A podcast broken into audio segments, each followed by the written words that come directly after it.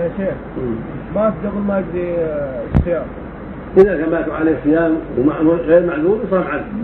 أما إذا مات في العذر مات بمرض ما طهر فلا عليه صيام. لا صيام ولا يطعم آه. النبي عليه الصلاة والسلام قال من مات وعليه صيام صار عنه ولي. والذي مات وقد سبب وقد بسبب المرض ولم يشفى منه بل مات في مرضه هو معذور. لا يطعم عليه ولا صيام.